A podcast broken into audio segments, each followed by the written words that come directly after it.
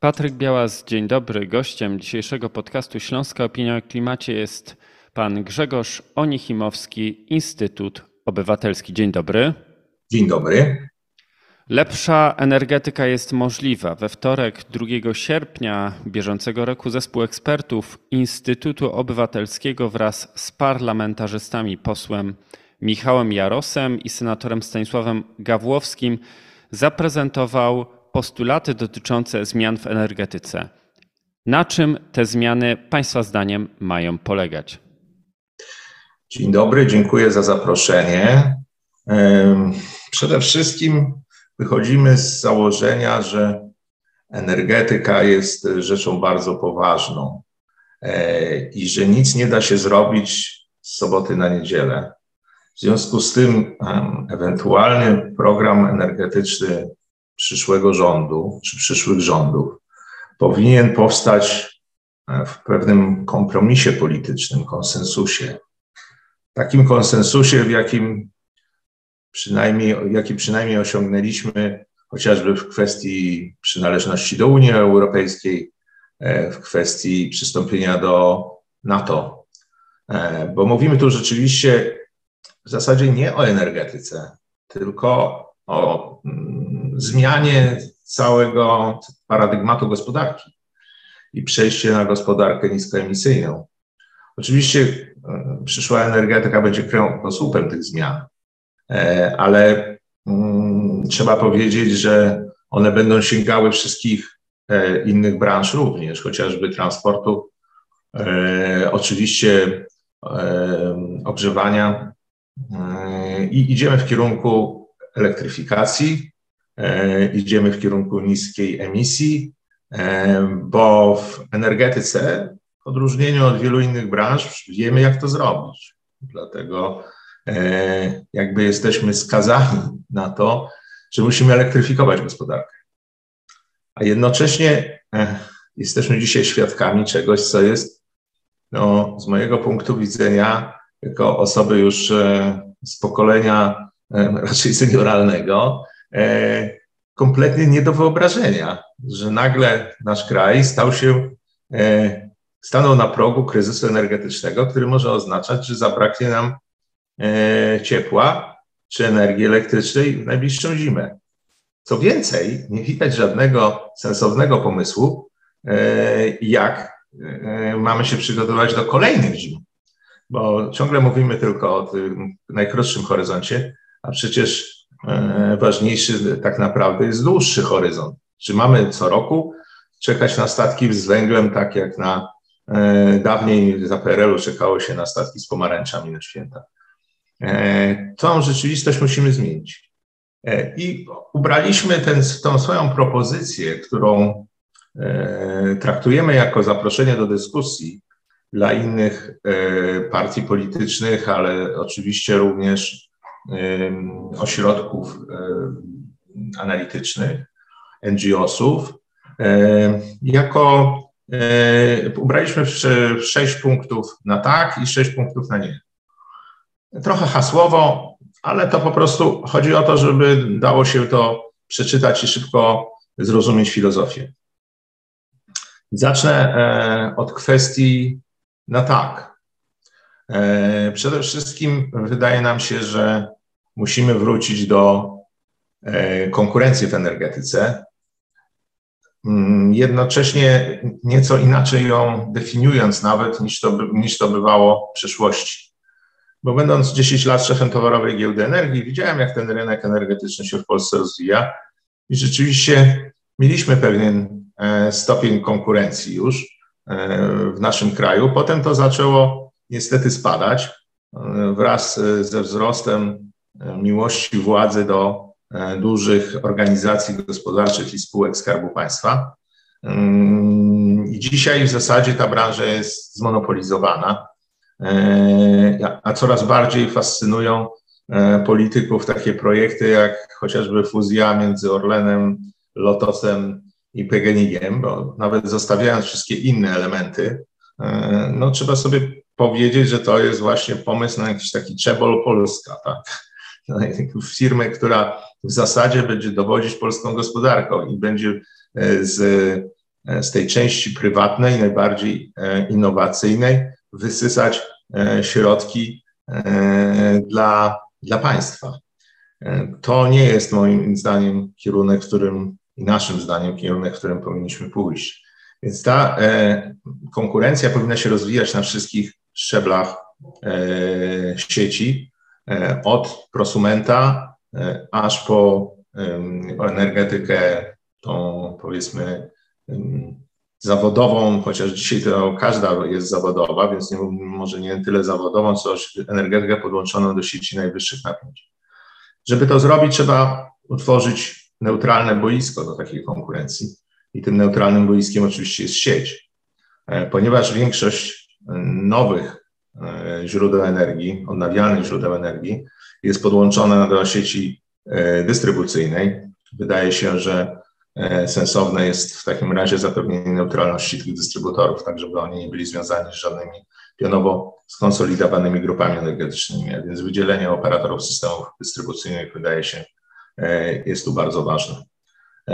Drugą kwestią jest skierowanie ku branży, ku klientowi, bo dzisiaj to klient w dużej mierze zirytowany poziomem serwisu, jaki daje mu energetyka zawodowa, sam próbuje budować sobie jakąś energetykę.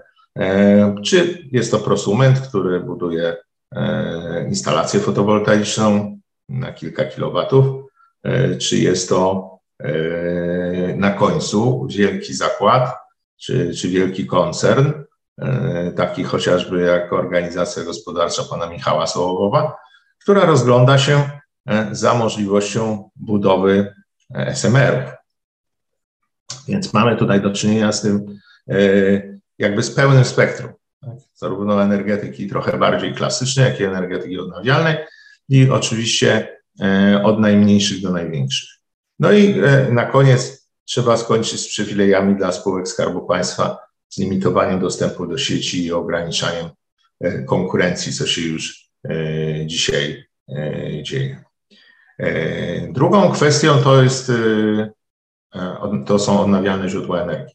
Już wcześniej w raporcie, który e, Instytut Obywatelski opublikował, mniej więcej rok temu, e, nawoływaliśmy do czegoś takiego, co nazwaliśmy wtedy autostradą dla OZE i podtrzymujemy tę propozycję. Co więcej, część tej propozycji już w pewnym sensie zrealizowaliśmy, bo mm, złożyliśmy projekt ustawy E, znoszącej regułę 10H e, i maksymalnie skracającej okres uzyskiwania e, zezwolenia na budowę nowych źródeł odnawialnych.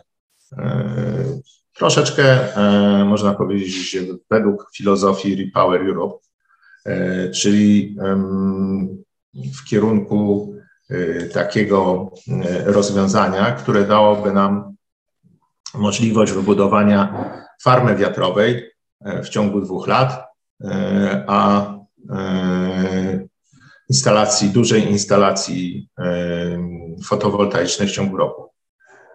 I wydaje się, że jest to możliwe.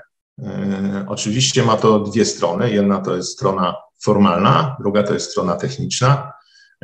I ta strona techniczna to jest kwestia podłączenia do sieci, uzyskiwania E, tutaj zezwoleń i co za tym idzie upgrade'owania sieci, tak, żeby można było e, mm, nowe źródła e, fotowoltaiczne podłączyć. Tutaj wiele propozycji zawarliśmy, między innymi propozycje wzmocnienia czy też wpisania do porządku prawnego takich rozwiązań jak spółdzielnie energetyczne, klastry w większym zakresie niż to jest dziś, E, i doprecyzowując te pojęcia, e, linie bezpośrednie, cable pooling, prawda, czyli wykorzystywanie tych samych przyłączy do, e, do podłączenia wielu źródeł,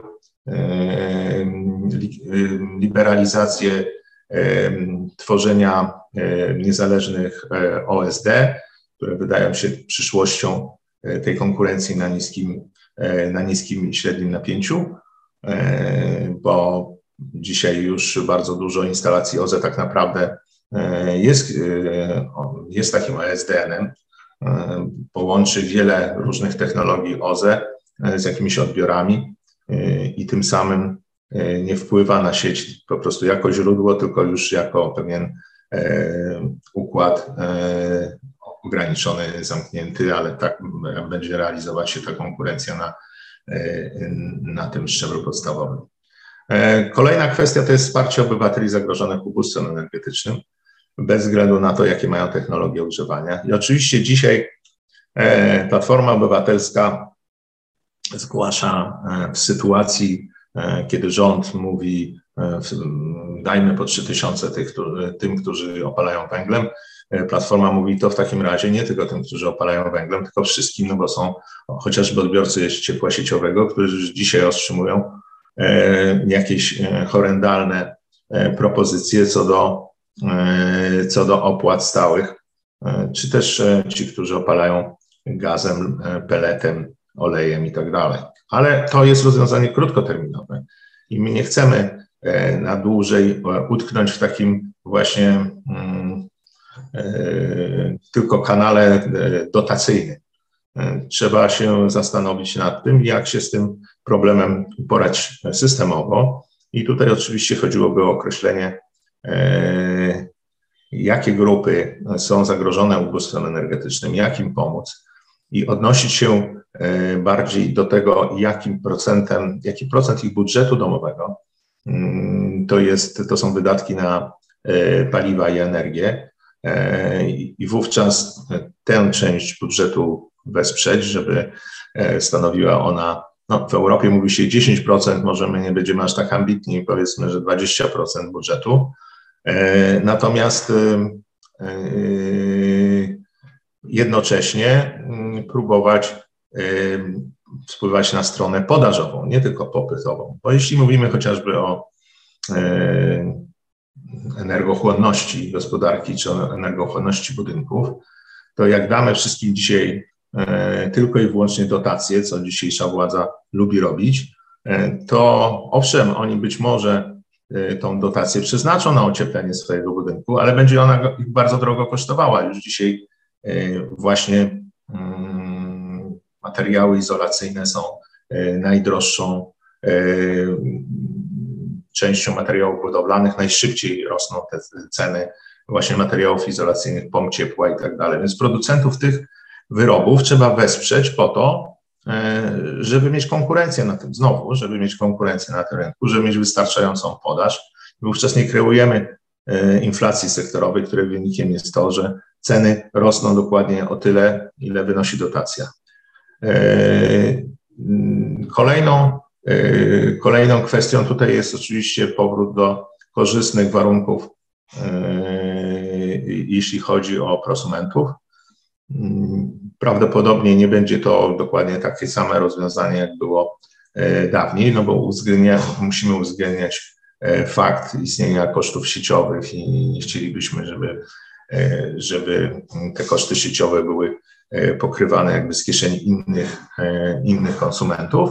Y, ale uważamy, że tak długo, dopóki nie jesteśmy w stanie, a powinniśmy zrobić jak najszybciej, przejść na ceny, na taryfy dynamiczne, na ceny zmieniające się z godziny na godzinę, to taki system, który dzisiaj został zaprezentowany, czy zaproponowany i wprowadzony, po prostu nie ma sensu. Jeśli odnosimy się do jakichś cen średnich, to nie ma tu żadnego wsparcia dla elastyczności systemu które y, na dzisiaj staje się takim świętym gralem energetyki, prawda? E, dzisiaj najważniejsze od kilowatogodzin czy megawattogodzin, które łatwo i szybko można e, wyprodukować w odnawialnych źródłach, jest właśnie ta elastyczność, czyli zapewnienie, e, zapewnienie ciągłości dostaw. No i na końcu przygotowanie planów awaryjnych związanych z tym, jak gospodarka ma się przestawiać E, w sytuacji, czy, czy, czy ma się zachowywać w sytuacji niedoboru e, paliw i energii. E, I teraz, jeśli chodzi o kwestie na nie, to już bardzo szybko uważamy, że nie można marnować pieniędzy, które otrzymujemy jako przychody z aukcji ETS-u. Prawie 70 miliardów złotych rząd PiS otrzymał jako mm, przychody z aukcji ETS. Bardzo niewielka część z tego została wydana na transformację energetyczną. To się musi zmienić. Trzeba szybko uchwalić odpowiednią ustawę gwarantującą, że 100% tych środków będzie finansowało transformację energetyczną. By the way, można tu powiedzieć, że inne e, projekty, o których jest tak głośno i tak dużo się mówi, chociażby CPK, są dzisiaj kompletnie nie, niemożliwe do realizacji tak długo, e, dopóki nie, do, nie zainwestujemy naprawdę wielkich środków w energetykę. Bo dzisiaj kolej wielkich prędkości w Polsce po prostu nie miałaby jak jeździć. Nie mamy, nie mamy energii do zasilenia takiej kolei. Kolejną kwestią E, to jest energetyka jądrowa. Chcielibyśmy rzeczywiście tu szybko rozstrzygnąć, jak to ma wyglądać, e, którędy powołać osobę, która będzie odpowiedzialna za ten program e, energetyki jądrowej. Najlepiej, żeby jeden z konstytucyjnych ministrów przejął tutaj, był tą osobą odpowiedzialną, żeby Sejm udzielił wsparcia programowi budowy tej e, razem z harmonogramem. E, no i konkurencyjna, e, konkurencyjna procedura, a na końcu model finansowy, który zapewni tej energetyce jakieś sensowne miejsce. Najlepszy byłby taki model, który byłby modelem partycypacyjnym, może podobny do fińskiego, w którym później to użytkownicy czy też konsumenci przyjmują pewnym sensie własność tej, e, te, tych, tych elektrowni i e, nimi zarządza, zarządzają. Oczywiście po drugiej stronie są małe elektrownie, no i to, czyli SMR-y i e, SMR-y powinny też znaleźć swoje miejsce w prawie, czyli trzeba podmioty prywatne również upoważnić do tego, żeby, żeby takie inwestycje w małą energetykę jądrową mogły, e, mogły e, rozpocząć. E, I już na sam koniec kwestia aktualnych zysków koncernów energetycznych. Wydaje się, że to jest bardzo dziwna sytuacja, w której z jednej strony rząd mówi o tym, że chciałby E, chwali się wielkimi zyskami Orlenu, PG, Tauronu i tak dalej, e, a z drugiej strony mówi, że chciałby te firmy e, obciążyć podatkiem od zysków, od zysków nadzwyczajnych. To jest jakiś kompletna, wydaje mi się, schizofrenia, no bo w sumie są to spółki państwowe. My proponujemy ze swojej strony, żeby w tej sytuacji przejściowej, w której jesteśmy, kiedy mamy mniej więcej dwie trzecie do trzech czwartych źródeł, które tak naprawdę, których koszty zmienne zaczynają, e, zaczynają podążać ku nieskończoności, a e, resztę, czyli odnawialne źródła, które idą do zera, one nie mogą się spotykać na jednym rynku, e, których cena krańcowa jest wyznaczana. Trzeba myśleć o zmianie tego paradygmatu rynkowego, a na razie można wprowadzić jakieś rozwiązanie, chociażby jak francuski ARENG, gdzie te jednostki, które mają zdefiniowane koszty, musiałyby sprzedawać do niezależnych spółek i do przemysłu energię po jakiejś cenie określonej przez państwo poprzez regulatora. I tym samym obniżylibyśmy bardzo mocno ceny energii aktualne, bo ceny krańcowe, które dzisiaj widzimy na giełdzie typu 1600 e, zł e, na przyszły rok e, kontraktów, to jest prosta droga do, do załamania się polskiej, polskiej gospodarki i polskiego przemysłu. No i to tak najkrócej, jeśli chodzi o te, o te punkty. Jest tam jeszcze kwestia bloków gazowych, które musimy których budowę musimy zgrać e, z, mm, z planami importowymi i możliwościami importowymi. E, tej możliwości importowe e, naszym zdaniem głównie leżą po stronie LNG. Wszystkie rury, niezależnie od tego, gdzie je poprowadzimy, zawsze się w jednym konkretnym miejscu kończą Rzeczywiście lepiej jest kupować e, gaz z Norwegii niż kupować gaz z, z Rosji, ale tak czy owak tam też konkurencja po ten gaz będzie olbrzymia. Więc trzeba przede wszystkim postawić na otwarty rynek. Jeśli na tym otwartym rynku będzie wystarczająco dużo towaru, to może wówczas mają sens, ma sens budowa E, kilku bloków gazowych, ale przede wszystkim takich, które będą e, bilansować OZE, więc e, trzeba by tutaj dokonać pewnych zmian w naszym rynku mocy.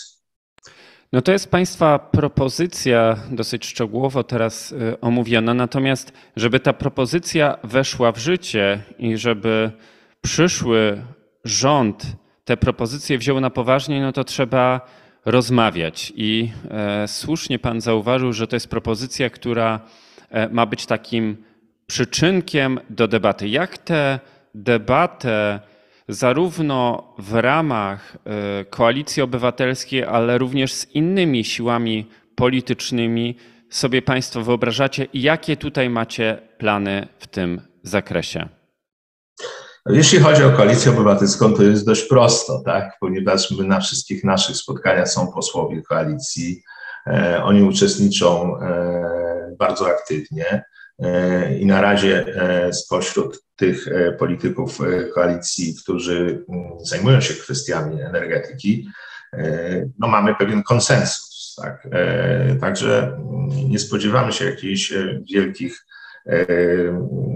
kontrowersji po stronie samej koalicji wobec tego, co Instytut. Oczywiście Instytut jest tylko think tankiem, tylko albo ja, albo aż, e, więc nie reprezentuje e, oficjalnie stanowiska Platformy.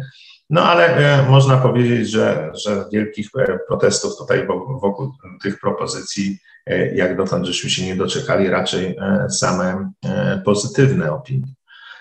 Teraz jeśli chodzi o pozostałe partie opozycji, to wydaje mi się, że e, dobrze by było doprowadzić do jakiegoś spotkania, e, prawdopodobnie najlepiej jeszcze w tym roku, prawdopodobnie po wakacjach, gdzie moglibyśmy podjąć dialog z ekspertami pozostałych partii, głównie partii opozycyjnych.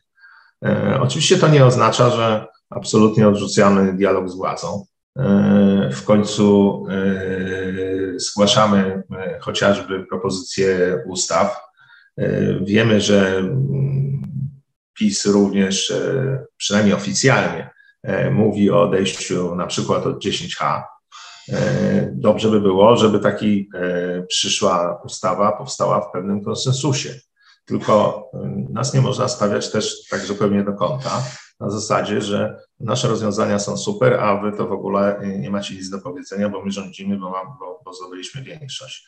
Wydaje mi się, że Dzisiaj przede wszystkim musimy sobie uświadomić to, e, że jeśli e, będzie, będziemy tak kontynuować taką politykę, którą prowadzimy dzisiaj, e, to katastrofa jest nieuchronna, bo możemy ewentualnie, być może olbrzymim wysiłkiem zasypać dziurę w tym roku, która powstanie na skutek no, rażącej, powiedzmy, dezynwoltury związanej z, chociażby z zasobami węgla, bo przecież to nie jest tak, że my za mało węgla wydobywamy. To, to po prostu polega na tym, że e, redukowaliśmy mm, wydobycie węgla, jednocześnie nie próbując go zastąpić w energetyce, czy też w tej domowej energetyce, czymkolwiek. I, no i mm, także dialog przede wszystkim z, z, ze wszystkimi. Mamy nadzieję, że jednak trochę refleksji też i e, po stronie rządzących a jak nie, no to trzeba się szygować z programem na rządzenie za rok. Dziękuję bardzo za dzisiejszą rozmowę. Moim gościem był dzisiaj pan Grzegorz Onichimowski z Instytutu Obywatelskiego. Dziękuję bardzo. Dziękuję.